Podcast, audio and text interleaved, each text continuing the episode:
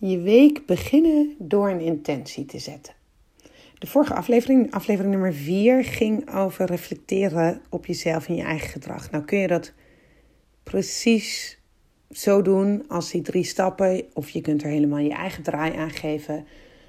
De kern van de vorige aflevering was dat je dat doet als het al gebeurd is. Als je nou wat handigheid hebt in reflecteren, als je daar al heel vaak gebruik van maakt, wil je juist ehm, wat bewuster aan je week beginnen. In plaats van hem alleen maar bewust af te sluiten. Nou, dat is waar deze aflevering is, vijfde aflevering alweer, over gaat. Namelijk over het zetten van een intentie. Het zetten van een intentie is in bepaalde, ja, ik noem het maar even Instagram kringen, best wel gemeengoed. En wat je dan ziet is, dan wordt er een kaartje getrokken, een kaarsje aangestoken en gejournald over een bepaalde intentie. Dat is heel mooi, heel meditatief, heel rustgevend. Maar als jij vanaf 6 uur s ochtends op maandag al aan het rennen bent en elke avond laat thuis bent, tot laat je stukken leest, dan heb je daar niet heel veel tijd voor. Ehm, of in ieder geval niet heel veel ruimte voor om het zo uitgebreid te doen. Wat wil ik je nou meegeven vandaag? Dus houden we het lekker kort, hè? Dat doen we altijd in deze podcast. Maar wat ik je graag wil meegeven is een, twee manieren waarop je die intentie kan zetten. Misschien weet jij nog wel een derde manier. Dan hou ik me zeker aanbevolen om die ook te horen via LinkedIn of via DM uh, op Instagram dan, eh, dat zal ik ook in de show notes zetten, hoe je me kan bereiken. Want dan hoor ik ook graag hoe jij je intenties gewend bent te zetten in drukke tijden. Nou, ik heb het een hele lange tijd op deze manier gedaan. Dus de eerste manier die ik met je deel, is een kaartje trekken. Ik had een hele grote stapel blanco kaartjes en daar heb ik zelf ontzettend veel woorden op geschreven. Uh, spelen, liefdevol, fantasie, Ehm, direct, ehm, nou, noem maar wat. Allemaal van dit soort type woorden. Waardoor ik random een kaartje trok. Uh, en dat kaartje dan de hele week ergens in mijn tas, soms in mijn portemonnee, mijn agenda, mijn notitiebokje stopte. Zo, en ik schreef het woord ook op een paar plekken op. Um, zodat ik het al bladerend tegenkwam. Dus niet een soort van in your face op een post-it op je computerscherm maar echt random, zodat je hem af en toe tegenkomt. Op die manier koos ik eigenlijk koos ik een woord, nogmaals, was vrij willekeurig welk woord het dan was, maar die gaf mij een soort houvast om situaties op te merken. Om mij uit te dagen om in bepaalde situaties. Op een gegeven moment had ik een situatie mildheid. En ik zat bij een debat.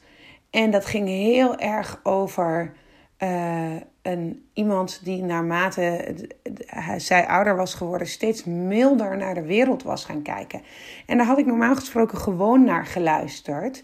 En nu, met dat woord in mijn achterhoofd, luisterde ik met meer alertheid naar wat mildheid voor haar had betekend. En heb ik dat dus de hele week ja, bij me gedragen, overdacht op momentjes, af en toe iets over opgeschreven. En zo zie je anderen dingen. Eh, als je spelen trekt op zo'n kaartje, dan ga je ineens veel meer oog hebben voor de kansen om te spelen. Ehm, en het daagt je ook uit, zo'n woord, om als zich dus een gesprek voordoet, is te kijken: oh, oh, als mijn woord flexibel is. Ik wil eigenlijk nu heel star reageren dat er niks kan. Maar ik ben met dat woord, laat ik eens proberen met de intentie van flexibel, flexibiliteit dit gesprek aan te gaan, dit project aan te gaan, deze situatie tegemoet te treden.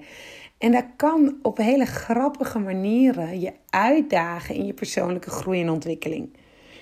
Dan leer je dus iets wat je niet geleerd had als je niet zo'n onverwachts woord had, waardoor je alert wordt gemaakt op een situatie in die week.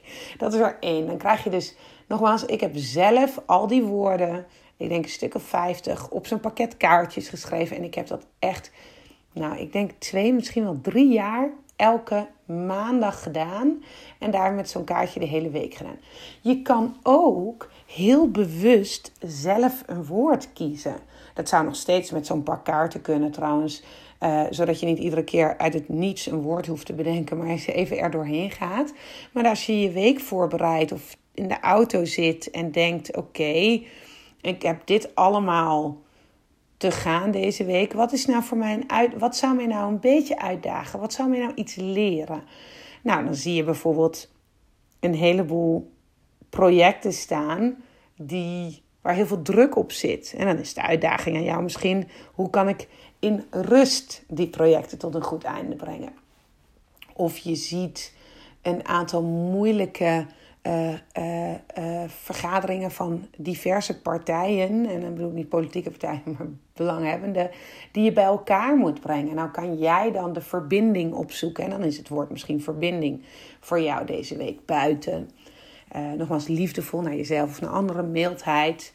Um, je kan zelf zo'n woord kiezen, en dat bedoel ik met dat er twee manieren zijn. Of je kiest zelf zo'n zo'n woord waarmee je jezelf gaat uitdagen deze week. Of je laat er random eentje op je bord vallen. En je denkt, nou, deze ga ik proberen. Wat beide manieren doen. En nogmaals, het is niet limitless. Hè? Dus ik ben ook super benieuwd naar jouw manier van uh, een intentie zetten. En wat jij ermee doet. Um, is. Maar wat de kracht van zo'n intentie is, is dat het je uitdaagt aan de voorkant om komende week je ogen en je oren open te houden naar een kans om iets te leren. En met leren bedoel ik dus niet een uh, super groot en moeilijk, want je hebt in heel veel dingen geen opleiding nodig, maar dan leer je het in een praktijk. En in plaats van dat het blijft bij wat je altijd deed, ehm, kun je op deze manier eigenlijk je blik verruimen en nieuwe dingen leren, nieuwe mensen zien. En word je op daag je op jezelf op die manier uit en zet je zo'n intentie. Nou, wat je je kunt ook dat nog, hè, die twee manieren. En nogmaals, eh, laat me jouw manier ook weten als je nog een andere hebt. Ehm, ik ken ook de manier dat je dus aan het begin van de week zo'n woord pakt en dat je dan heel uitgebreid gaat beschrijven. Nou, wat denk ik dat er gaat gebeuren? Wat betekent dit woord voor mij? Dat kan allemaal. Alleen ik denk niet dat je daar de tijd voor hebt. En ook niet dat je daar de tijd voor wilt nemen, omdat er zoveel leuks en energieks te gebeuren staat. Daarom zou ik dit lekker wandelend doen. En nogmaals, plak het woord van jouw keuze dan random. Weet je, als herinnering, schrijf het op een kaartje en gooi het in je tas. En dan zoek je over een paar dagen iets in je tas. En dan haal je dat ding eruit. En denk je, oh ja, dat woord. En dan word je er op die manier wat vaker naar getriggerd.